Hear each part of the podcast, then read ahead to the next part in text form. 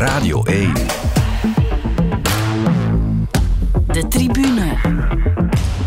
Met Tom van den Bulke. Hallo en welkom bij de tribune na een sportweekend met veel straffe stoten en schoten, zoals die van Kevin De Bruyne, de koning van Manchester. Missers waren er ook, maar geen VAR en ook geen KDB in deze tribune. Daarvoor liggen er te veel andere dingen op onze tafel. Met twee gasten gaan we praten, vooral over de gevolgen van de oorlog in Oekraïne op de sport. En die gasten, dat zijn Jean-Marie de Dekker, politicus, burgemeester van Middelkerken en oud-judocoach. Goedenavond, Jean-Marie. Goedenavond. En welkom ook collega David Naert. Dag Tom. Jij zit normaal gezien op mijn stoel. Zo is het. Maar vandaag hebben we van plaats gewisseld. Jij mag de vragen beantwoorden. En daar is een goede reden voor, want jij weet heel veel af van Rusland. Zo is het. Wat heb jij met Rusland? Goh, in eh, 1987, uh, ik kwam uit het college en ik wou iets met talen doen. Ja, toen Gorbachev die aan het bewind was in de toenmalige Sovjet-Unie. Dus Russisch, ja, dat leek me wel wat. En het zou dan ofwel slavistiek worden of vertaler-tolk. Russisch samen met Engels, want je moest twee talen kiezen. En dus is het uiteindelijk na vier jaar dan tolk Engels, Russisch, Nederlands. Dat is al een hele tijd geleden natuurlijk. Afgestudeerd in 91. Heb je het nog altijd onder de knie, dat Russisch? Nee. Nee. maar niet Ponimayo. Da, Panimayo. Dus ik begrijp het wel. Ja, zeker. Begrijp je wel spreken misschien? Mm, Ja, als je een taal niet actief onderhoudt, dan uh, gaat die besloft worden. Dat is onvermijdelijk. Maar natuurlijk heb je af en toe een goede crisis. En dan duik ik me weer in de Russische media. Jaar geleden met de atletiek en de dopingschandalen in Rusland. En nu helaas met wat er gebeurt in Oekraïne en de gevolgen daarvan voor de sport. Ja. Dan komt het wel van pas. Maar je had verder niet speciaal iets met het land aan zich? Of? Uh, toen ik afgestudeerd was, niet meer. Uh, en dat komt eigenlijk door dat vierde jaar. Uh, want dan moet je kiezen. Ofwel doe ik vertaler, ofwel tolk. Tolk mm. is simultaan vertaling. En ik was de eerste in jaren in het toenmalige Vlekko uh, die uh, uitverkoren was om tolk Russisch te mogen doen. Maar ik was helaas ook de enige. Dus uh, ik heb een heel jaar alleen die Russische tolklessen moeten volgen. En na dat jaar had ik er eigenlijk genoeg van. Ja. Uh, Jean-Marie, ja, jij hebt ook wel een band met uh, Rusland. Of misschien moet ik zeggen de Sovjet-Unie in die tijd nog? Nee, nog, ja, de tijd van de Sovjet-Unie. Ja. Ik heb de, mijn laatste kampioenschap in de tijd. Ik heb nog, dat was toen in Rostock in de DDR, dat ik zelf nog als atleet in de eerste ronde, ronde een pak rammel kreeg. En dat was toen van uh, Jaskevich, Alexander Jaskevich, die dan Europees kampioen werd. En uh, twaalf jaar later is Jaskevich dan mijn, zelfs mijn assistent geworden als, ja, ja. als bondscoach gedurende tien jaar. Ja. Maar ik ben ontzettend veel, misschien 20, 30 keer achter het ijzeren gordijn geweest. Wat dan was toen het mekka. -hmm. Het mekka van de vechtsporten zat enerzijds in Japan, tweederzijds in Frankrijk en ten derde zat dat achter het ijzeren gordijn. Mm. Ik heb daar uh, fantastische herinneringen aan. Ik ja. heb de Spartakiade meegemaakt. Ik ben met uh, Robert van der Wallen ontvangen geweest in Tbilisi. Toen hij in Kubuluri, Robert van der Wallen was in de Olympische Spelen in Moskou, heeft hij gewonnen tegen Kubuluri. En in 1986 zijn we een keer terug geweest naar het toernooi in, in Tbilisi. Wat Robert toen... Uh, ja, dat, dat verhaal op zich is al fantastisch. Robert, wij stapten in een taxi en wij moesten ergens betalen. Hij was goed. Hij was goed in Tbilisi omdat hij, omdat hij geklopt had. En wij stonden in het toernooi. Ik ga toch die anekdote vertellen dat dat heel belangrijk is. Uh -huh. Men zegt dat dat was toen een vijftiental Sovjet-republieken. Want die hadden ook een eigen Spartakiade. Ik heb nog de Spartakiade meegemaakt ook. De eerste keer als coach was de Spartakiade. En, en dat was toen in Sint-Petersburg. Maar we zaten in Tbilisi. En Robert was uitgenodigd. Dat was in feite dus een toernooi van de, beste, van de Sovjetlanden. Maar men nodigde de beste atleten uit de wereld. En Robert hoorde daarbij. Hij stond in de halve finale tegen Divisenko. En Divisenko was een Rus. Want er was toen ook al een Oekraïner en de Rus. Er is evenveel verschil dan tussen een Spanjaard en een Nederlander. Dat is net hetzelfde. Of, of, ook tussen, en dat was ook met die Georgius zo. En op een moment komt die wereldkampioen naar mij, Novikov. En Novikov geeft mij een premie. Ik heb zo'n pak roebels. In de tijd zei ik, kijk, als Robert wint, gaan we dat verdubbelen. en, en, en omdat hij zo winnen tegen de Rus, werd, kregen, wij, kregen wij een premie van de Georgius om die Rus te verslaan. En Robert heeft dat toen ook gedaan, hè, dat moet ik wel zeggen. Ja, ja. maar niet voor het geld. met, die paar roebels achter, achteraf erop opgedaan, maar dat, zo, dat is een verhaal op zich. Ik zou daar een boekje kunnen over schrijven. Ja. Maar dat was iets fantastisch. Die, die, een stadion met 14.000 mannen, vrouwen kwamen daar niet naartoe. En op een moment, op een moment was er een, een, een Rus in de finale tegen de George. Mm -hmm. Gabarelli. Ja. En, en die, die George stond achter. En wat deed men? Men trok de elektriciteit af, zodanig dat de George wat kon rusten. Want die was het einde adem. is echt gebeurd. is echt gebeurd. En maar gooide, maar gooide geld, als de, als de scheidsrechter niet akkoord was met geld op het tapijt. Er zaten 14.000 mannen die zaten te joelen op de zijkant. Maar een, iets totaal apart. We zijn ontzettend veel dat Toosblok gaan trainen. Wij ook uh, achteraf, twintig jaar aan een stuk zelfs. Mm. Podolsk was het gebied. Wij noemden dat Siberië, maar het was ook Siberië. Ja. Ook allerhande avonturen meegemaakt. Ook uh, met dopingkennis gemaakt toen de tijd. Heb je het land ook echt leren kennen? Want ja, was er vooral voor, voor, voor, sportieve redenen? Maar het was voor sportieve redenen, maar wij waren ook, als wij op stage waren, waren dat ook altijd voor weken. Uh, kampioenschappen waren ook altijd een tijdje of zo. Er waren inderdaad het toernooi van Praag of het toernooi van Warschau. Dat waren heel korte uitstappen. Uh, maar, maar uh, blijven bijvoorbeeld tot, in Podolsk bleven wij twee tot drie weken in Siberië zitten. Allerhande toestanden met tot, tot het primitieve. Ik herinner mij toen wij in Podolsk zaten, je moest naar huis bellen. Dan moest je in een klein postkantoortje gaan zitten, wachten tot de lijn vrij kwam hm. naar Moskou. Je moest dat aanvragen. Je zat er, je zat daar één, twee uur. En, en dat, dat was nog maar zo met, met die stekkers dan, en, en het bord. En, en waar ik nu over praat, uh, begin de jaren negentig. Dat is allemaal niet zo lang geleden. Hè. Hebben al die toestanden hebben, hebben, wij meegemaakt. Ik heb meegemaakt uh, het sporthotel in Moskou, waar op ieder verdieping zat er een diedushka. Dus een dejournaya heet dat. Ja, ja. ja een, een, wachtvrouw eigenlijk. En daar moest je toiletpapier gaan halen. Ja, moest je toiletpapier gaan halen. Moest je stop, een stopje om in het bad te steken, want dat, werd allemaal, dat was allemaal gerant, gerantsoeneerd. En, en, om te kijken of je ook met niemand op je kamer kwam. Hè. Ja, ja. Al die toestanden, dat was, dat was toen de Sovjet-Unie. Ik heb de communistische Sovjet-Unie meegemaakt. Ja, hmm. er zit inderdaad een boek in, denk ik. Um, maar dat is voor een andere keer. De naam Vladimir Poetin zal hier vanavond wel eh, een aantal keer vallen natuurlijk. Jij hebt een mooi ontmoet. Uh, vertel nog eens ik heb Putin, wanneer en waarom Ik heb hem een paar keer ontmoet, maar de, de meeste, de meest eigenaardige anekdote is in feite 2001 en 2002. En Poetin had in 2000 in Japan geweest. En hij had daar een match gedaan uh, tegen Japan, een judo-match. En ik kwam hier naar Brussel en ik kreeg een telefoon van Verhofstadt en het protocol om te zeggen, ben je bereid om uh, met Poetin op de mat te staan om een keer zo een show-element te tonen. En dit ging gebeuren, dat lag allemaal klaar, maar daags ervoor heeft Poetin dat waarschijnlijk, heeft misschien Poetin dit geweigerd. Dat is toen niet doorgegaan. Ik beklaag me dan altijd, ik had hem beter gewurgd.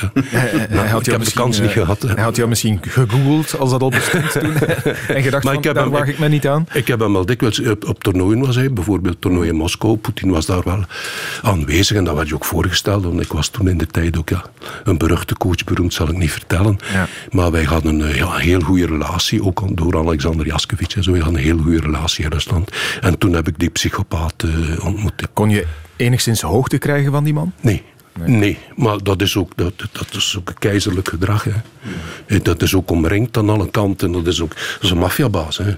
Mhm. Ja, met, met de entourage ja, van, van, van, van Poetin op sportief vlak alleen kun je Torp Corleone vullen, denk ik. Ja, en het aura van geheimzinnigheid met zijn achtergrond bij de KGB natuurlijk. Ja, en zijn, zijn, cronies komen ook allemaal uit de KGB. Ja, ja allemaal. Dus hij heeft jaren, jaren aan een stuk, want hij had dat de, de Timchenko, is een van de rijkste Russen, 22 miljard, die komt uit de judomidden van Sint-Petersburg. Je hebt dan Arkadi Rotenberg, mhm. lid van het directiecomité van de Internationale Judofederatie. Putin. Tot, tot gisteren. ja, ja. ja, nu, nu, nu, ja, maar nu zijn ze allemaal, het, je, ziet een beetje ook dit vluchtgedrag nu van, van de bobo's, mhm. maar Hans de bobo-wereld, de judo-bobo-wereld, zijn allemaal aanhangers van Poetin.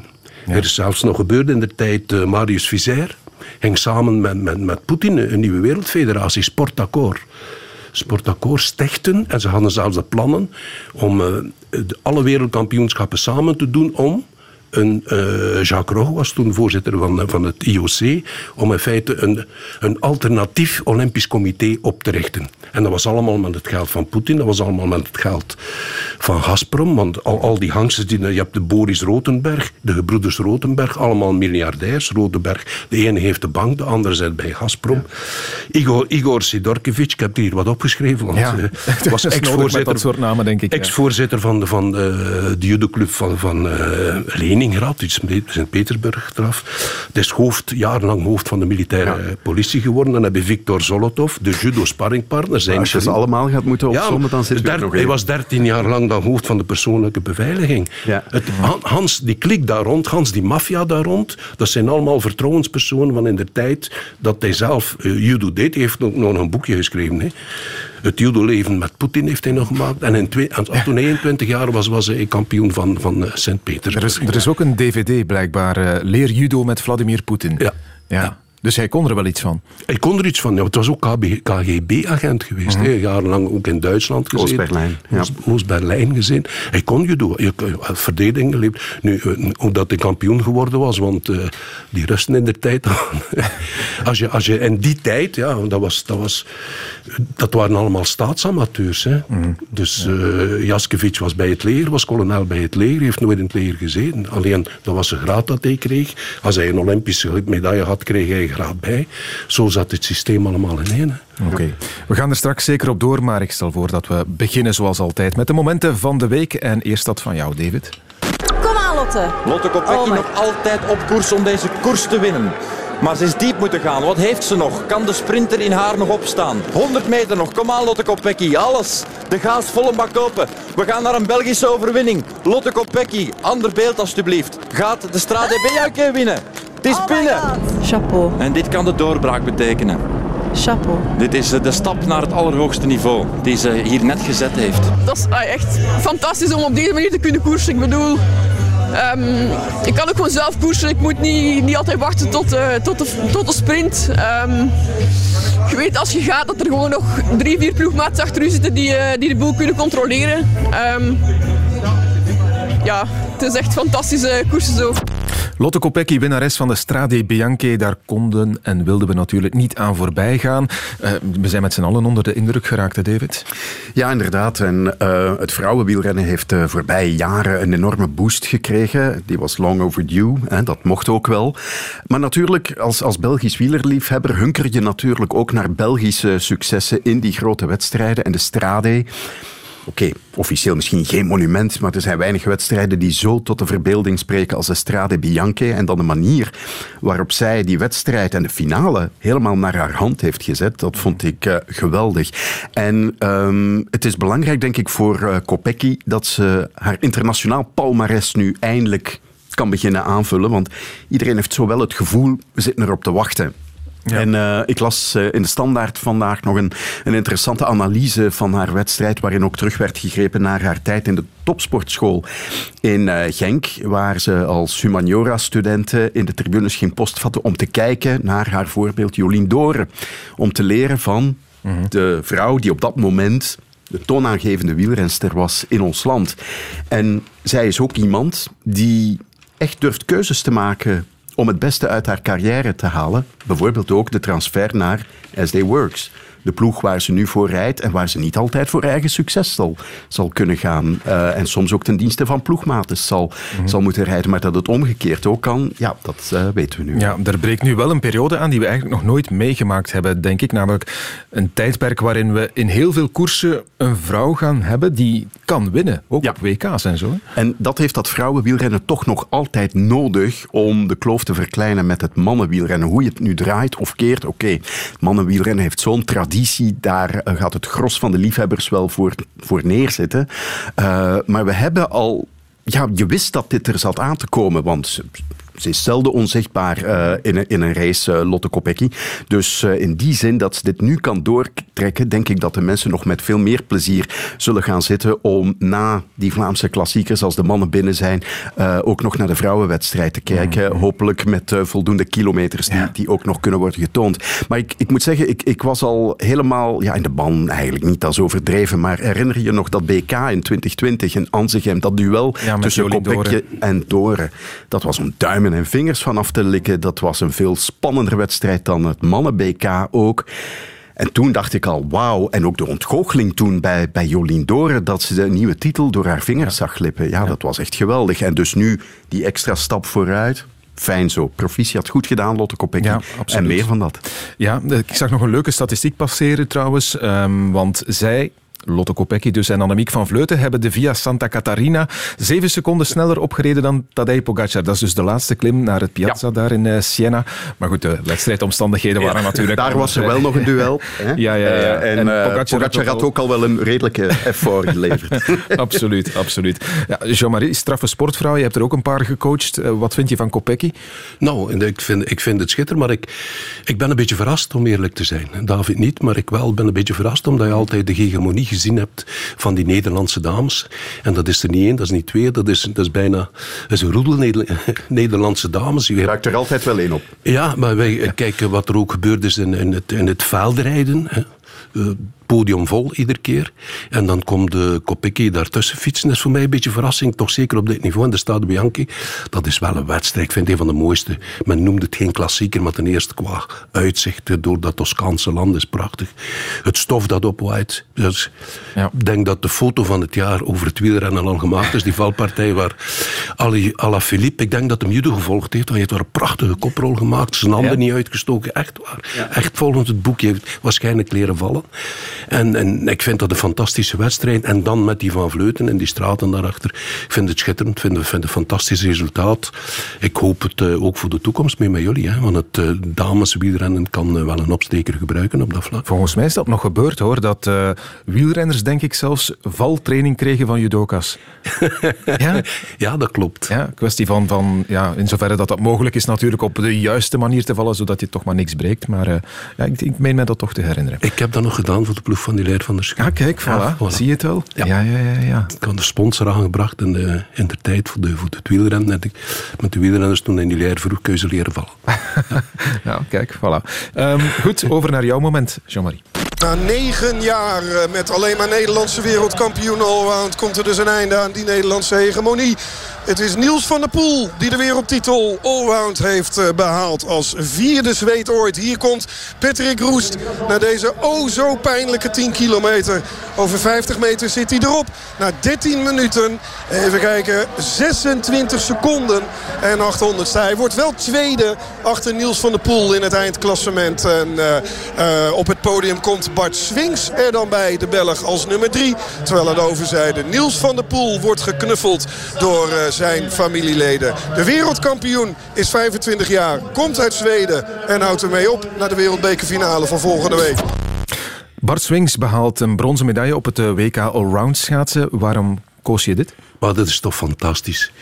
En ik heb het gekozen omdat het me ook een beetje ergerd heeft vandaag. Als ik de kranten bekijk, dan kijk je bijvoorbeeld de Sportkrant van Vlaanderen, het Nieuwsblad, dat er enkel in dat één zinnetje staat. En mhm. de telex, Bart Swings, derde op een wereldkampioenschap. Ik herhaal, derde op een wereldkampioenschap. We zitten amper 14 dagen, drie weken na de Olympische Spelen. Die man is Olympisch kampioen geworden. Hij is blijkbaar al vergeten als een derde wordt op het WK. En terwijl dat een fantastische prestatie is. En ik, en, en ik schat dat even hoog in als de massastart. Want voor de Nederlanders, de massastart, men zegt altijd dat is de kermiskoers van het schaatsen. En Bart heeft altijd, en je komt altijd zoiets te kort voor een medaille. Vijfde, zesde, af en toe een keer derde als het een Europees kampioenschap is in die afstanden. En als je nu kijkt, in de 1500 meter gisteren was het erom te doen. Hij was eerste. Hij heeft de beste van de wereld, want die, die Roets was nummer twee. Was de tweede, denk ik, in, in Tokio op de 1500 meter. Gisteren is het erom te doen voor Roets, want het gaat voor de, vierde, voor de verlenging van zijn titel voor de vierde keer. Hij haalde het niet, nee, Niels van der Poel. Maar ze zweet, is geen Nederlander. De hegemonie van de Nederlanders is gebroken geweest door die zweet op de 5000, op de 10.000 meter. En Bart Swings, die beschouwd wordt door de Nederlanders een beetje als de kermiscoureur. Die komt daartussen fietsen, die wint die 1500 meter. En ik vind het een fantastisch atleet. Ja. En, ik, en, en hij doet me denken aan, aan al die amateurs die hun leven geven voor die sport die er hoogstens, hoogstens een contractje mee kunnen versieren bij Topsport Vlaanderen. Gelukkig is hij dan nog wat beter betaald, omdat hij burgerlijk ingenieur is, denk je maar aan. Heel, heel slimme kerel. Is burgerlijk ingenieur. Hij is nog niet afgestudeerd. Nee, en hij gaat leven in Herenveen. Ja. Ja, om daar te kunnen schaatsen in die, enige schaatshal. Wij hebben er geen. En die gaat dan een, de Tialf eh, gaan afvuren, sluit zich aan bij een Nederlandse ploeg. Allemaal om te kunnen trainen. Die man wordt dan Olympisch kampioen. En we zijn veertien dagen later. En hij krijgt één zinnetje. Ja. En dat maakt mij dan terug, kwaad, die kent mij. Ik zeg, verdorie die miskenning ten opzichte van de voetbal en weet ik veel. Het was een top, een topwielrennersdag ook hoor, want uh, wat Pogacar gedaan heeft, wat Van Aert terug doet. Maar daartussen hebben wij een Olympisch kampioen en men gunt hem nog geen fotootje in de grootste sportkrant van Vlaanderen. Ja. Was jou ook opgevallen? Hè? Ja, want uh, mocht het niet het moment van Jean-Marie geweest zijn, dan had ik dat wellicht ook gekozen, precies om dezelfde reden. Want ik zag ook die ene zin in het nieuwsblad, één zin voor een Olympische kampioen die eigenlijk nog niet eens hard getraind heeft. Want het is volgend weekend de wereldbekerfinale in Ereveen die hij absoluut wil winnen, de massastart. En, en, hij wint daar op dat, op dat WK Allround de 1500 meter, wat fenomenaal is. Want uh, de laatste jaren was dat up en vooral veel downs voor hem op die 1500 meter. Maar ook die, die slopende 10 kilometer ja. schaatst hij de tweede tijd. Ja. Dus sportief is dat ook een, een, een uh, verhaal, maar het verbaast me niet. Omdat uh, de laatste jaren valt mij op dat de sportjournalistiek meer en meer aan het verschralen is tot uh, voetbal en wielrennen. En dan nog niet alles van voetbal, want of de Jupiler Pro League worden veel te veel pagina's op dagbasis gevuld voor een relatief modale competitie. Maar goed, ik begrijp het, de belangstelling van de supporters en dies meer. Maar echt de grote verhalen uit het buitenlands voetbal zijn heel vaak geënt op de Belgen die daar spelen, terwijl daar liggen nog zoveel andere verhalen.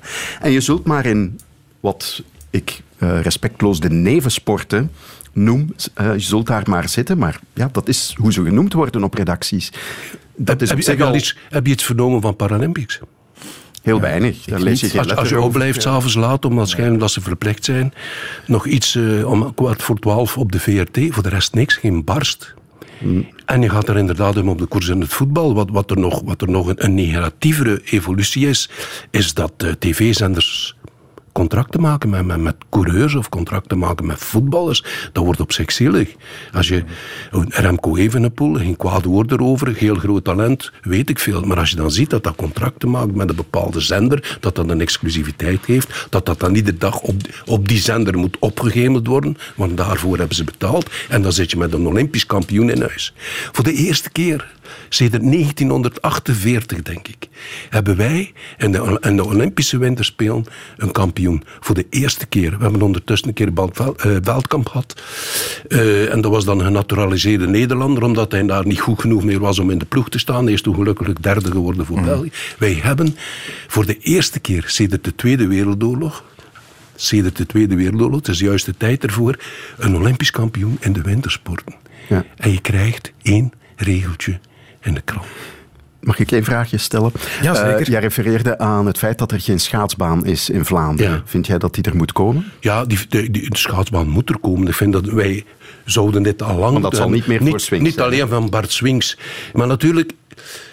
Ik weet wat Tialf gekost heeft. Men heeft Tialf uh, 160 miljoen euro. Ja.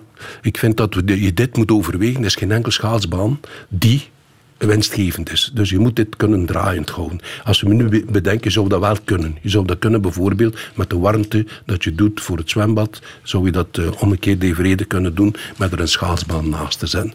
Maar ik vind dat wij als land een schaatsbaan moeten hebben. Daarover gaat het. En dat gaat dan niet over Bart Swings. Wij moeten een volwaardige schaatsbaan hebben. Wij zijn toch een heel modern land waar het in principe in sport niet op centen aankomt. Kijk maar wat dat er weggegooid wordt voor het voetbal. Die krijgen zo per jaar 2, 250 miljoen cadeau. Dus kan de rustige schaatsman vanaf. Tialf, 160 miljoen. Ik dacht dat eh, Ben Wijs 50 miljoen al te veel vond uh, voor een schaatsbaan hier bij ons. Nee? Ja, wel, dat is, dat is wat het budget is dat hij schetst. Ja. Waar de Vlaamse gemeenschap dan 3 à 4 miljoen zou kunnen aan bijdragen. En de rest moet van privépartners komen. Ja. Maar ja. dan zijn we terug vertrokken. Hè. Ja. Spreek maar het woord uit, privépartner. Vraag maar eens 1,5 euro aan BOIC. Veel woorden, maar weinig daden. Dus die schaatsbaan komt er niet. Misschien een Gelamco schaatsarena. ja, maar waar, waarom niet? Hè? Ja. Nee, waarom, waarom niet? Hè? Je, kunt, je, hebt, je hebt ook dubbele pistes. Hè? Je hebt, het hoeft ook niet Gut van Gut te zijn. Het hoeft geen Tialf te zijn. Het hoeft de schaatsbaan te zijn. Dat de kinderen er naartoe gaan. Wie hebben wij nu? Wij hebben toevallig kampioenen. Hè? Spra, spra, praten wij over Hendricks of zo? Waar moeten, waar moeten die naartoe? Die moeten gaan trainen naar Eindhoven. Ja. De tijd gaat hier veel te kort zijn, denk ik. We hebben nog een half uur te gaan en we moeten eigenlijk nog heel veel bespreken. Maar uh, het is uh, best interessant over die schaatsbaan. Ik vrees in elk geval dat ze er niet zou komen als het gebeurt, tenminste aan de snelheid waarmee we voetbalstadions zetten hier in dit land. Maar goed, over naar het volgende. De tribune. Want we moeten het toch hebben over de impact van de oorlog in uh, Oekraïne in de sport. En die is echt wel heel groot, die impact. Er zijn heel veel sancties genomen. Is iemand verbaasd dat dat uh, überhaupt zo gelopen is allemaal de voorbije week, weken? Ik... Uh ik ben nooit verbaasd over sancties. Ik ben altijd over de grote woorden erover. Maar voor mij gaat het over het doen. En ik ben toch, ben toch een beetje geschrokken dat er toch heel wat uh, grote federaties nu last hebben van een bepaald schaamtegevoel en dat ze het doen. Hè. Men weet al, in feite had men Rusland al twintig jaar moeten buitengooien in de sportwereld. Er is niks anders dan miserie geweest met de Russen. Herinner je nog Sochi? Mm herinner je nog zelfs dat het, de, de Russen een wet gemaakt hadden. Dat, uh, ik heb het hier eens een, ze hebben een decreet laten stemmen dat alle dopingspalen moesten gecontroleerd worden voor ze het land verlieten. Dat deden de Russen allemaal. We hebben daar nooit niks tegen gedaan. De enige die iets gedaan heeft, de IAF, de IAF, de Internationale Atletiek Federatie. Russen wat, konden doen wat ze wilden. Poetin had daar zo'n invloed op, altijd grote woorden, IOC, dergelijke meer. Er gaat al twintig jaar geen enkele atleet van Rusland mogen op de mat staan, nog aan een sportevenement deelnemen. Maar alleen al op basis, niet alleen op basis van de oorlog, alleen op basis van de dopingcultuur dat er heerst, waar er quasi nooit niks aan gedaan. En het erge is, of ook het hoopgevende, zonder de journalistieke onderzoeken van de ARD en Hajo Seppelt zouden, zouden we nu nog niks geweten hebben. Want het WADA zou niks gedaan hebben. Ze zijn maar onder druk begonnen. Uh, ze hebben de Stepanovs het atletiekkoppel dat is beginnen getuigen over de wantoestanden in de Russische atletiek. Die hebben dat eerst allemaal overgemaakt aan het Wereld Antidopingagentschap en dat heeft dat vervolgens geclasseerd. Mhm. Niks mee gedaan.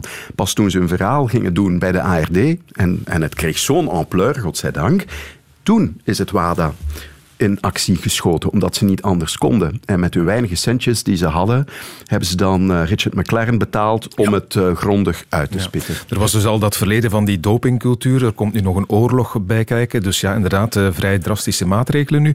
in het voetbal bijvoorbeeld zie je dat alle Russische teams uitgesloten worden van de Europese competities. Rusland mag ook niet naar het WK voetbal. En er was ook het nieuws dat Roman Abramovic zijn club Chelsea te koop zet.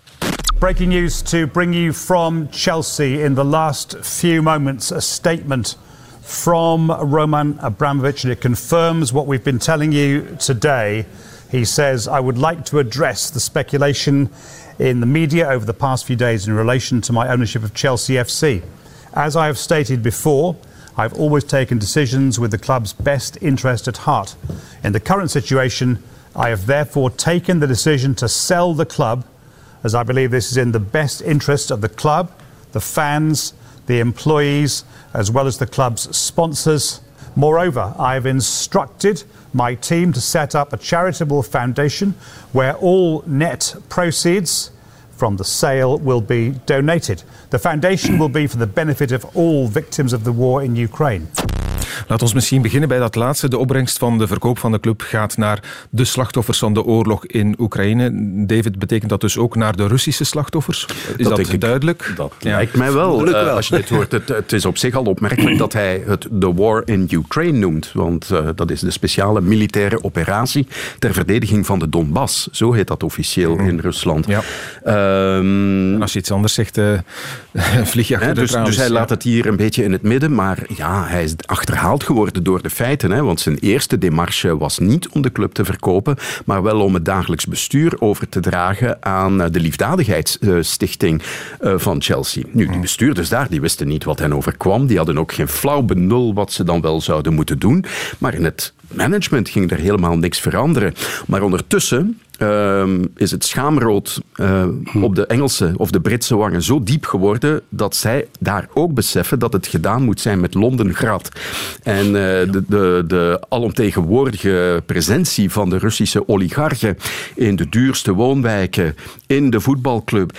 En uh, ook Roman Abramovic uh, was er niet helemaal gerust meer in of zijn bezittingen ook niet zouden worden aangeslagen de komende dagen ja. of weken. Want hij heeft niet alleen de club uh, meteen te koop gezet. Ook al zijn huizen, al zijn huizen in Londen, zijn ja. bezittingen ook meteen wist een van de kandidaatkopers te melden. Ja. En hij moet niet terug, hè? Nee. Hij moet niet terug. Hij, hij heeft een Portugees pa paspoort, hij heeft, heeft, een Israëlisch paspoort, dus hij hoeft niet terug. Hè. En, en Ik hoop dat het verder gaat. Ik hoop dat de internationale federaties ook durven zeggen, maar ik twijfel daar sterk aan. Zeker wat dat de, FIFA en de UEFA betreft. Want al die mensen zijn ook, de bobo-wereld is ook geïnfiltreerd. Zelfs de UCI is geïnfiltreerd. Uh, Denk maar aan uh, Igor Makarov bijvoorbeeld, de invloed om de UCI-president. Ja, Zowel de, de, David. Ja, ik denk dat dat nog ja, ja, maar, nee, maar, maar, maar ook, uh, je, je hebt uh, Ribolovlev. Ja, de man van Cercle Brugge en Monaco.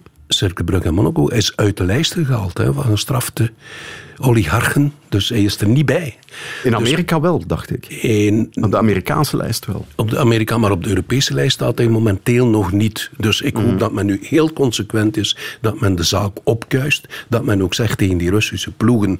Uh, bijvoorbeeld uh, Zenit Sint-Petersburg, uh, dan, dan uh, Dag, Anzi Dagestan, want dat is van Kerimov, Kerimov gekend heeft. Dat is die man die ooit nog, dat is die Russische oligarch, die zich ooit met de Ferrari de pletter gereden heeft in Nice, ja. met brandwonden, en ze hebben hem dan onder auspiciën en op kosten van België, André Flago was toen nog min, minister van Landsverdediging, ze hebben die mensen dan op onze kosten verzorgd, en dan nog er teruggestuurd. Wel, hij is, hij is de grote baas van van Anzi Dagestan.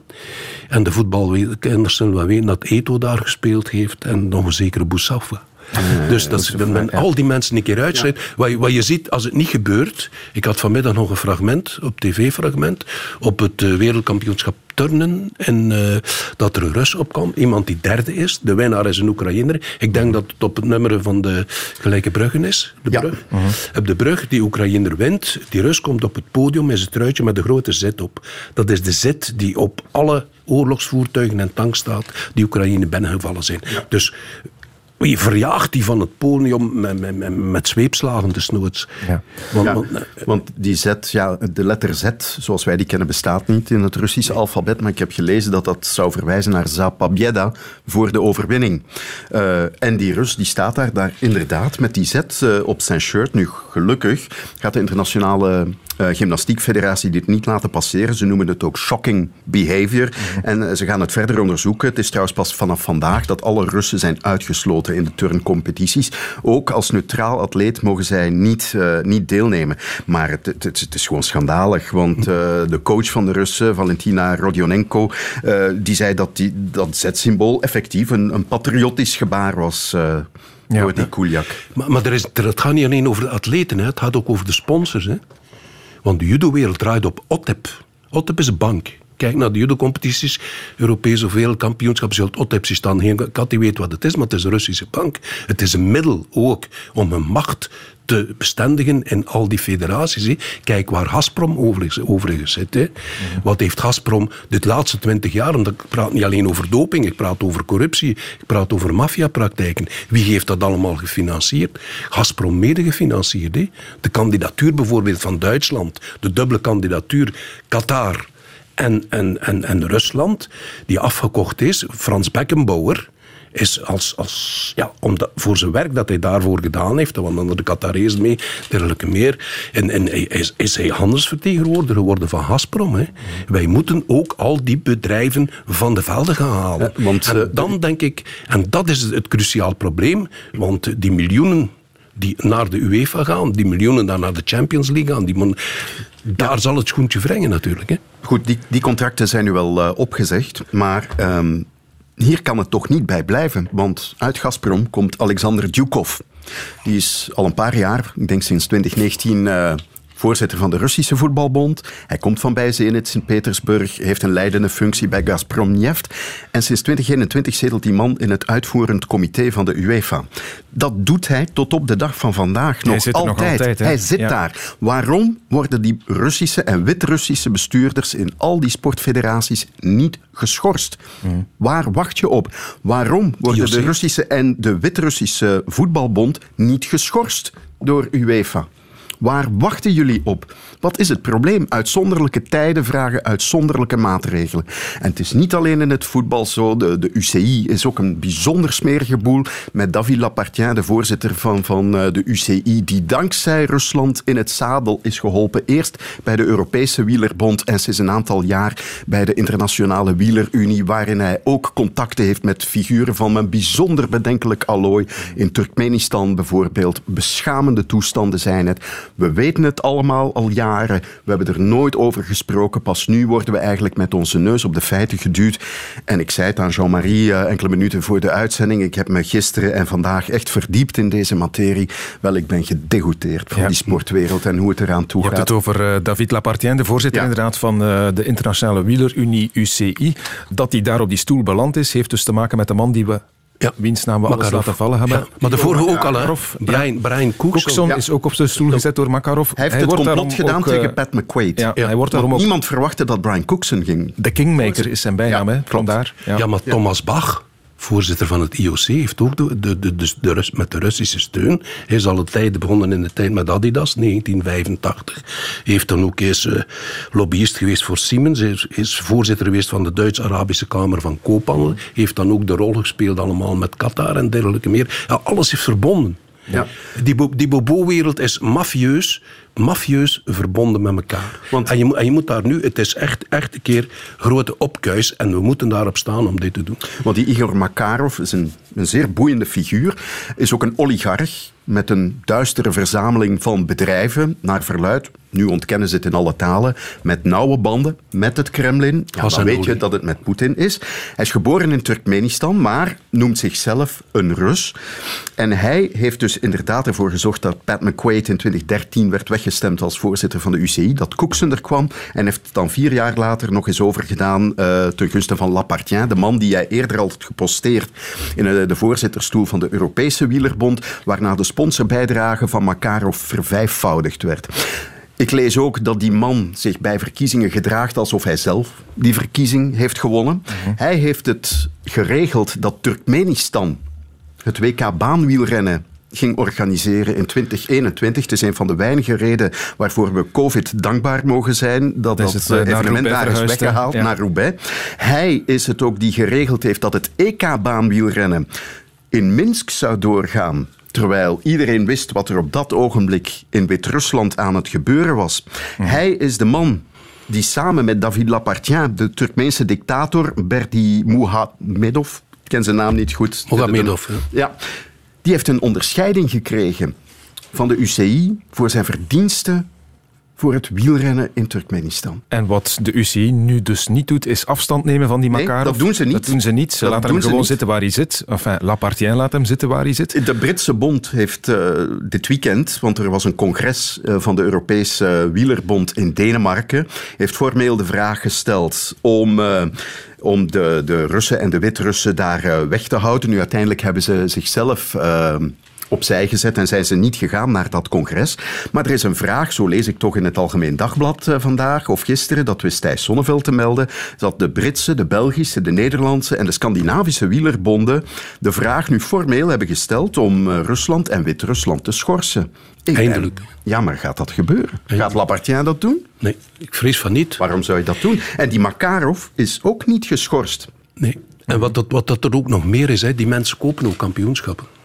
Ik had ooit een keer gedacht om een keer, twintig jaar na eh, het succes van Oostende in het Europees kampioenschap, om het bij ons te doen. is onmogelijk geworden.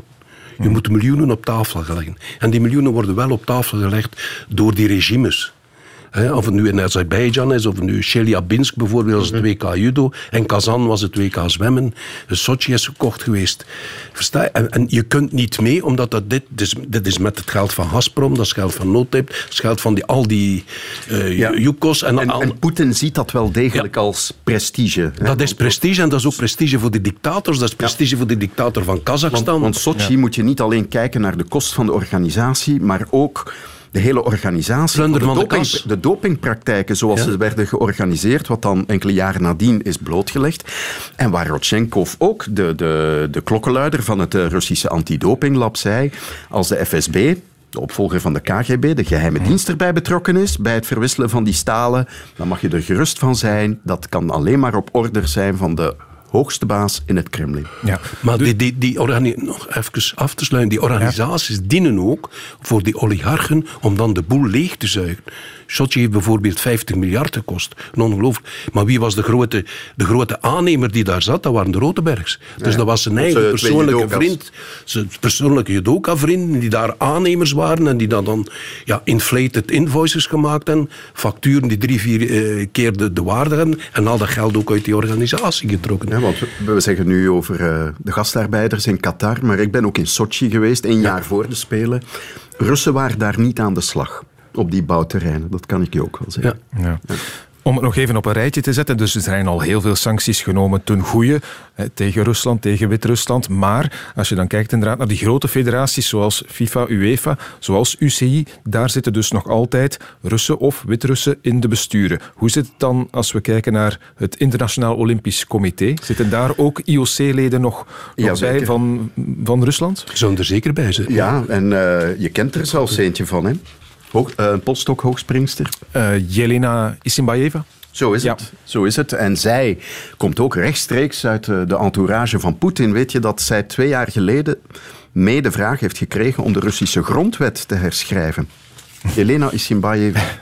Ja. Ja. Maar het, eh, het IOC is helemaal niet van plan om eh, IOC-leden te te doen. schorsen. Nee, want dat kunnen we niet. Dat eh, laten de statuten niet toe. Er zitten verschillende oud-atleten in de Duma. Dus, er er zit eh, Safin, Marat Safin, eh. Anatoly Karpov. Ja. Die grote tegenstander van Kasparov in de tijd. Schaker. Irina Rondina. Die zitten, eh, zitten ook allemaal in de Duma. Nu, ik ben ook oud judoka, ik zit ook Ja. in, in het Belgisch parlement. Maar in de Duma zitten alleen aanhangers van onze grote vriend Poetin. Ja. Ja, maar het andere Russische IOC-lid, dat heb ik opgezocht dit weekend. eh, Die man heet Shamil Tarpishev, ex-minister van Sport, maar, eh, zo las ik ook, ex-KGB-spion. Goed, dat hoeft geen probleem te zijn, maar hij had blijkbaar wel uitstekende banden met de Russische maffia en heeft ook miljoenen, wat zeg ik, miljarden euro's verduisterd in de jaren 90. Dat soort leden maakt dus de dienst uit bij het Internationaal Olympisch Comité. Dus die zit daarin, inderdaad. En zoals je zegt, bij het IOC schermen ze dan met, met het reglement, zal ik maar zeggen, Ja. om te zeggen van ja, maar die mensen kunnen we er niet Ach, uitzetten. Dat gaat niet. Toen het IOC snel handelde en alle internationale federaties het advies gaf om de Russen uit te sluiten, dacht ik van, hm, dat is toch moedig. Maar als je die tekst leest, zetten ze zo ongeveer alle deuren open die je kunt openzetten. Als het niet lukt om die Russen uit te sluiten, bijvoorbeeld omdat het te kort dag is, hallo Paralympisch Comité, eh, dan mogen ze als neutraal atleet eh, deelnemen. Krijg je dat niet georganiseerd, los het zelf maar op. Ja, maar dat Ja. is dat advies van het IOC. Dus ze lijken heel straf en stoer voor de dag te komen, maar alle deuren, alle achterdeurtjes die je kunt openzetten, die staan wagenwijd open. Over een schorsing van het Russisch Olympisch Comité en het Wit-Russisch eh, Olympisch Comité, dat trouwens geleid wordt door de zoon van Lukashenko, daar eh, hoor ik niks over hoor. Die nationale Olympische comité's zijn inderdaad niet geschorst hè, op dit moment door het Ik, IOC. ik vind Hey, dat de internationale kijk- federaties. Kijk dat ook wie er al in zit in 2010 bijvoorbeeld. Nou, Dat is al in 2010. Shamil Tarpishev. hè. Ja, dat is een Ja, man de over wie ik het net had. Ja. Waarover David het al Ilham inderdaad. Aliyev van Azerbeidzjan. Ja. Rachimov, een Oezbeek. Voorzitter Olympische Raad. Allemaal mannen. Alexander Lukashenko, de zoon, Ja. zit daar nu in. Vroeger was het Lukashenko zelf, hè? Vitali Smirnov. Allemaal, maar- Smirnov alleen van de vodka, Ja. eerlijk gezegd. Ja, maar dat is, je, je weet waardoor dat de Russen gemiddeld 56 jaar worden. hè. Eh, ja, door de vodka, ja. Maar, maar ze zitten wel overal, die Russische bestuursleden. Ik ga nog een naam laten vallen. Het is een Oezbeekse Rus, Alisher Oezmanov. Zou de supporters van Anderlecht een Ja. belletje moeten doen rinkelen, want hij was in de running ook om de club over te nemen. Die man is al een aantal jaar, de hele tijd, voorzitter van de Internationale Schermfederatie. Zonder de financiële bijdrage van die man is er geen internationale schermfederatie mee. meer. Die heeft nu zelf een stap opzij gezet als, eh, als voorzitter. Eh, ik citeer, tot gerechtigheid is geschied.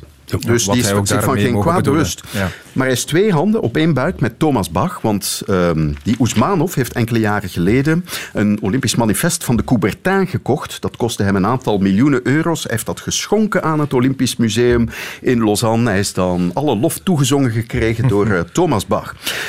De vrouw van Alisher Oezmanev, Irina Wiener, ook een Russin. Zij is voorzitter van de Russische Ritmische Gymnastiek Federatie. En wonder boven wonder heeft zij een Olympische onderscheiding mogen ontvangen in 2015. Ik vertel dat maar zodat je een idee krijgt van hoe het eraan toe gaat. Bij de governance of het gebrek aan governance Maar zelfs bij dat IOC, dat toch het model zou moeten zijn voor degelijk bestuur, ik denk dat Jacques Rogge daar veel slechte zaken heeft rechtgetrokken. Maar sinds Thomas Bach daar voorzitter is en het gerucht doet de ronde dat hij na afloop van zijn tweede termijn in 2025 nog een derde termijn zou willen. Wat niet statutair kan. wat reglementair niet kan, maar het gerucht doet nu al de ronde. Wait and see. Maar het, je, dat is de bobo-wereld die je kent. is, Hè. Maar daaronder heb je sub-bobo-wereld. En dat is de wereld van de jurering. Dat is de wereld van de arbitrage. En dat hoort daar allemaal bij. Je- Die Rotenbergs, weet je, die beide Rotenbergs, die zijn ook vandaag nog lid van het directiecomité het IGF, ondervoorzitter van de IGF. En die benoemen ook. Zijn ze vandaag die benoemen, eh, opzij gezet? Ik dacht het wel. die- ja, ik heb dat niet gehoord van dat, maar die, Want die, benoemen ook... voorzitter ja. en dat was dan geschorst, maar is nu definitief Ja. En die, die benoemen ook de raden die bijvoorbeeld instaan voor de arbitrage overal. En dat is, dat is een tentakel, dat is een, dat is een octo- octopus. En men moet daar echt... Jacques Rogge heeft dat in de tijd geprobeerd, want in het ijsschaatsen was er een heel groot ja. schandaal geweest in Salt Lake City Klopt. met het Russisch koppel. En Rogge heeft toen ingegrepen, maar ook niet ver genoeg. Ja, hij was Mr. Proper, dat was ook zo. Maar ook niet ver genoeg kunnen gaan op dat vlak. Of je speelt ook je eigen hoofd kwijt. Hè. Maar nu is het eigenlijk echt het moment om te zeggen... wij gaan de kop van de slang afkap, af, Ja. afkappen. En er is moed voor nodig. De Amerikanen zullen moeten meespelen op dit vlak ook. Vind jij dat Rusland nu al moet uitgesloten worden van de. Spelen in Parijs? Het alles. Nu onmiddellijk, als we dit vandaag doen, vandaag zeggen tegen Poetin, je zult niet deelnemen in Parijs. En ook geen gedoe met neutrale atleten, hè? 2024. Gewoon ja, tuurlijk, tuurlijk. moet je altijd doen. Hè. Ja, Rusland is nu geschorst. Hè? Mensen beseffen dat niet, maar tot december is Rusland nog geschorst. Maar die, die strafmaatregelen zijn zo uitgehold door het TAS, dat ook volledig gemanipuleerd wordt door het IOC trouwens, dat het amper nog iets voorstelt. Ja. Jean-Marie, hij zegt inderdaad meteen schorsen, eh, niet naar de Spelen van Parijs in 2024, eh, meteen doen. Dan vraag ik me af, is dat inderdaad iets wat Poetin raakt? Wat zou hem het meeste pijn doen? Ja, absoluut. Omdat die, zaken gaan ook rond. Die gaan rond bij de bevolking. Hè. Je hebt, er zijn twee zaken die, eh, zaken die hem kunnen pijn doen. Dat zijn de Dat zijn de lijkzakken die terugkeren. Dat doet hem pijn, want die bevolking weet niks. Eh, bevolking, het is sport. Sport is een onderdeel, is glorie van het land. Hè. Sport is nationalisme, sport is patriotisme voor hem. Dus al die mensen, als die atleten niet naar het buitenland mogen, als Zenit Sint-Petersburg niet meer mag spelen, weet met Sint-Peter, waarom? Dan begint men pas vragen te stellen. Ja. En al die atleten, want dat zijn toppers. Hè. Kijk, de top drie bijvoorbeeld in het schaatsen. Drie in het dat gaat rond. Waarom mogen wij niet? En, en, dan, dan wordt er pijn gedaan op alle vlak. Want dat, dat is een sportnatie.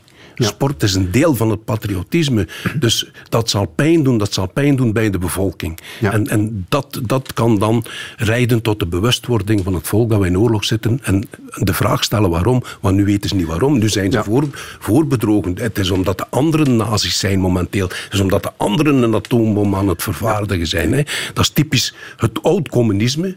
Dat is het oud-communisme, dat is het Stalinisme, het omkeren van, Ja. eh, van de leugen. Ja, maar eh, ik, ik geef trouwens helemaal gelijk. Hè. Ik vind die Russen hebben de op de komende Olympische Spelen echt niks te zoeken. Ze hadden er al uitgegooid moeten worden eh, in Rio, want toen heeft Bach ook niks gedurfd. Toen moesten de federaties het ook maar zelf kiezen. Maar eh, met alles wat ze hebben uitgestoken, wat moet je dan in godsnaam nog doen om te worden uitgesloten? Wel, wat er de voorbije twee weken aan het gebeuren is, nog altijd in Oekraïne, dat lijkt mij echt wel voldoende om te worden uitgesloten. En ik hoop vooral dat de sportwereld, maar het is een illusie, zo snel mogelijk met één stem gaat spreken. De Wereldzwembond, waar de, het geriatrische bestuur onlangs eh, vervangen is, maar kordate beslissingen nemen, dat doen ze daar nog altijd niet. Waar wachten ze op om het WK korte baan zwemmen, dat in Rusland zal plaatsvinden in december, om dat te verplaatsen? Het WK voor junioren in Kazan in de zomer, dat gaat al niet door. Maar waar wacht je op? Ja, maar nu zeggen... Nu Je zeggen. ziet toch wat daar gebeurt in Oekraïne. Ja. En waarom zou je dat nu niet beslissen? Mhm. Er zijn ook Zij stemmen laten die ook zeggen... nog altijd neutrale zwemmers uit Rusland tussen. Er zijn ook stemmen die ook, zeggen, die, die Russische atleten zijn zelf ook medeslachtoffer, want zij willen die oorlog helemaal niet. Zij hebben niet om deze situatie gevraagd. Moeten we daar rekening mee houden? Of ja, is het van sorry, maar het kan nu eenmaal niet anders? Wel, de economische sancties die het Westen heeft uitgevaardigd tegen Rusland, die treffen ook de gewone Rus. De roebel die in waarde keldert, Waarom, dat die niet de treft de- sport waarom moet de sport dan daar buiten gaan staan? Ik denk dat Rick van Wallegem daar een, een mooi pleidooi voor heeft gehouden vorige week in de tribune. Van dit gaat te ver en wij kunnen niet wegkijken. En de vraag die ik mij ook stel is, hoe moeten wij als actief sportjournalist omgaan met sportevenementen in de toekomst? Kunnen wij nog Goeie naar vraag. Qatar gaan en het daar alleen over voetbal hebben? Een zeer goede vraag, denk ik. Jean-Marie? Ja, maar hon- 100% akkoord. Hè. Als, je, als je The Guardian heeft, eh, ik denk dat al twee jaar is gezegd dat er 6500 mensen gestorven zijn bij de bouw van een stadion. Ja. Dan speel je op, met gra- op, op voetbalgras dat doordrenkt is met bloed. Waarom heeft men, dat, heeft men dat al gegeven aan die landen? Hè? Maar het feit Want- blijft, want- iedereen, iedereen zegt dat, hè. We, we weten dat ook allemaal. Maar uiteindelijk zal iedereen er gewoon zijn. Hè. Ja, maar natuurlijk Qatar. omdat het, ook, omdat het ook een politieke beslissing geweest is aan de top. Het is iets- nog iets dat verdedigd geweest is. Rusland-Qatar, dat was één pot nat. Dat, dat, was, dat was één toezegging die gebeurd is om het aan Qatar te geven. Kijk wat er gebeurd is, al die omkoperij. Want we praten nu alleen over de Russen. Gaan we praten over Platini? Gaan we praten over Blatter op dat maar- vlak? maar- maar het Gaan we gaat- praten over Sarkozy, die af dan de Qatarezen mogen eh, vliegtuigen leveren, heeft wapens mogen leveren? Allemaal. Maar- is, er ook, is er ook in betrokken geweest. Hè? Maar het Waar- gaat, waarom het gaat veel maar- breder. Hè? Ja. Want ik pleit ook schuldig. Hè? Ik ben ook naar de Spelen in Peking geweest. Ik heb het daar ook niet gehad over de mensenrechten. En ook niet toen ik het WK Atletiek daar ging verslaan in 2015. Maar de Eh, tijden, David, maar de zijn- tijd zijn is nu wel anders. veranderd. Je kunt Dus- toch niet meer puur als sportjournalist naar zulke evenementen gaan. In Rio bijvoorbeeld heb ik, heb ik zelf een, een werkbezoek eh, gedaan aan de Olympische site een jaar voor de Spelen. En eh, ah, hier komt het perscentrum. Ja, maar hier is een favela. Ah ja, we'll clear this away. Ja, je, je moet daar over spreken. En- je kunt daar niet meer over zwijgen. En dit moet toch het keerpunt zijn, ook in de We hebben, we sportjournalistiek. hebben het hier bij het begin gehad over Bart Swings hè, en, en het schaatsen. Wie wordt wereldkampioen allround schaatsen? Dat is die Zweed, Niels van der Poel. Ja. Die neemt ook deel aan de Spelen in Peking. De winterspelen, eh, wint daar twee gouden medailles, komt dan terug naar huis en zegt dan... Onaanvaardbaar dat deze Spelen daar ooit eh, hebben mogen plaatsvinden. Dat ze die Spelen aan Peking gegeven hebben. Dan denk ik van, ja, maar je bent er wel naartoe geweest. Je had misschien een straffer statement kunnen maken door niet te gaan. Te zeggen van, kijk, spelen in dat soort landen, ik doe niet mee. Terwijl hij nu gaat, pakt zijn twee medailles mee, komt dat is naar moeilijk, huis hè? En van thuis uit... Dat is moeilijk, ja, hè? Ja, ik weet het. Dat is ook het voor een het sportjournalist Het moeilijk. is ook wel een het beetje, die, die, die, die Van overstijgen. Poel is wel een beetje hypocriete roeptoeter. Want niet alleen daarover, want toen hij daar was, heeft hij daar ook de Nederlanders beschuldigd van dopingverhaal, dat ze moesten uitgesloten worden, want er had een Nederlandse ijsmeester de, de temperatuur van het ijs gaan meten en gaan kijken wat, wat er allemaal was. En hij Ja. beschouwde dit als doping en de Nederlanders moesten uitgesloten worden. Dat is ook altijd gemakkelijk gezegd. Dat dat. Nu wat dat de atleten betreft, als er besloten wordt om daar de Olympische Spelen te geven, dan moet je atleet wel. Dan is dat niet meer de verantwoordelijkheid van de atleet. Hè. Ik heb ooit meegemaakt de boycott van eh, Moskou. De Olympische Spelen van Moskou werden geboycott in 1980. hè. Ik heb al grijs haar. Dus had Robert van der Wallen niet geweest, was nooit Olympisch kampioen geweest. Ja. België is toen niet gegaan. En het is Jacques Rogge, die toen eh, chef de mission was. En die, het is Rogge die toen zelf... Was nog geen voorzitter van het Belgisch Olympisch eh, Comité. Dat was Raoul Mollet. En toen heeft men besloten, wij gaan apart met het Olympisch Comité. We hebben dan achter... Hebben Die dan stonden onder zware druk om niet te gaan. die stonden onder zware druk om niet te gaan. Men is toen toch gaan, anders was Robert van der Wallen nooit Olympisch kampioen. Als de Bobo's dit beslisten, maar de Bobo's mogen niet beslissen. Mogen niet beslissen dat men naar dergelijke landen gaat om te organiseren. Anderzijds zijn die eisen zodanig groot dat het enkel nog door dergelijke landen kan gedragen worden. Als Sochi 50 miljard kost, men, Ja, ja. men praat nu over de winterspelen in China. Men zegt 3,2 en men praat in de realiteit gaat het al over 30 miljard. Ja. Het zijn maar dergelijke regimes die het allemaal nog kunnen doen door Voilà, waarom ging Door de verwenning. Met het, eh, met het baanwielrennen naar Turkmenistan Ja. trekken, alles is daar opgetrokken in marmer. Ja. Dus, eh, ja, dan Door- moet je het niet verder Ja, maar zoeken. het is toch natuurlijk, gemakkelijk. Het is geen enkel atleet die dat vraagt dat in, marmer. Oh. Nee. Ja, ik heb altijd judo gedaan. Ik heb, ik heb op matten gedaan die op de grond lagen. Ik heb op matten gestaan dat het een, een, een zeil die over de grond gespannen was. Ik heb op Cuba op matten gestaan on, on, on- onder golfdaken. Het was zodanig warm dat je moest dansen. Of je voeten waren verbrand. Ja. Dat, dat vragen de atleten. Het is gewoon om te zeggen, wij sluiten die landen uit. Kost het ons iets, het kost ons iets. Maar gaat er iets veranderen? in die federaties? Ik, ik denk van niet. Ik denk het ook niet. Ja, we hebben veel stof om over na te denken. Maar we gaan eh, samen een boek schrijven. dat is is goed. Het gaat een heel dik boek worden, denk ik. Eh, maar goed, ik ben benieuwd en ik wil het graag lezen. Onze laatste vraag, David, ik ga er jou niet mee verrassen, want je stelt ze zelf altijd. Waar kijk je nog naar uit eh, deze week? Dat is nu het enige waar ik niet over nagedacht heb. Ja, meen je dat? Je wist dat- ja. KV even Mechelen na. Charleroi. Ga even Jean-Marie eh, laten antwoorden anders. Wel, op, op sportief vlak eh, Ja. weinig. Ik wacht op de eerste match van eh Kassen. Oké, dat is dan weer judo. Van Matthias Kassen. Dat Ja. zal het EK zijn, hè? In april misschien. Dat, ja. dat, dat wordt een DK. Ja. En ik hoop dat hij was vorig jaar tweede. Ik hoop dat hij nu wint. Dat hij het brons heeft. Ja. Oké, Europees kampioen in wording. Nog zo vergeten sporter verdorie. Ja. Net Matthias zoals Ba- Kassen Bart Swings. En ja. Bart Swings, voilà, ze hebben een moment gekregen vandaag. Dankjewel, Ik ga kijken naar. KV Mechelen KV Charleroi. Voilà, prima. Geniet ervan. David Naert. Dankjewel, Jean-Marie de Dekker. Graag gedaan.